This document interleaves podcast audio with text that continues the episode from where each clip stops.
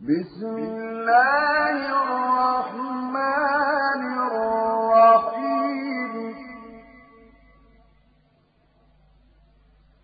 ألهاكم التكاثر حتى زرتم المقابر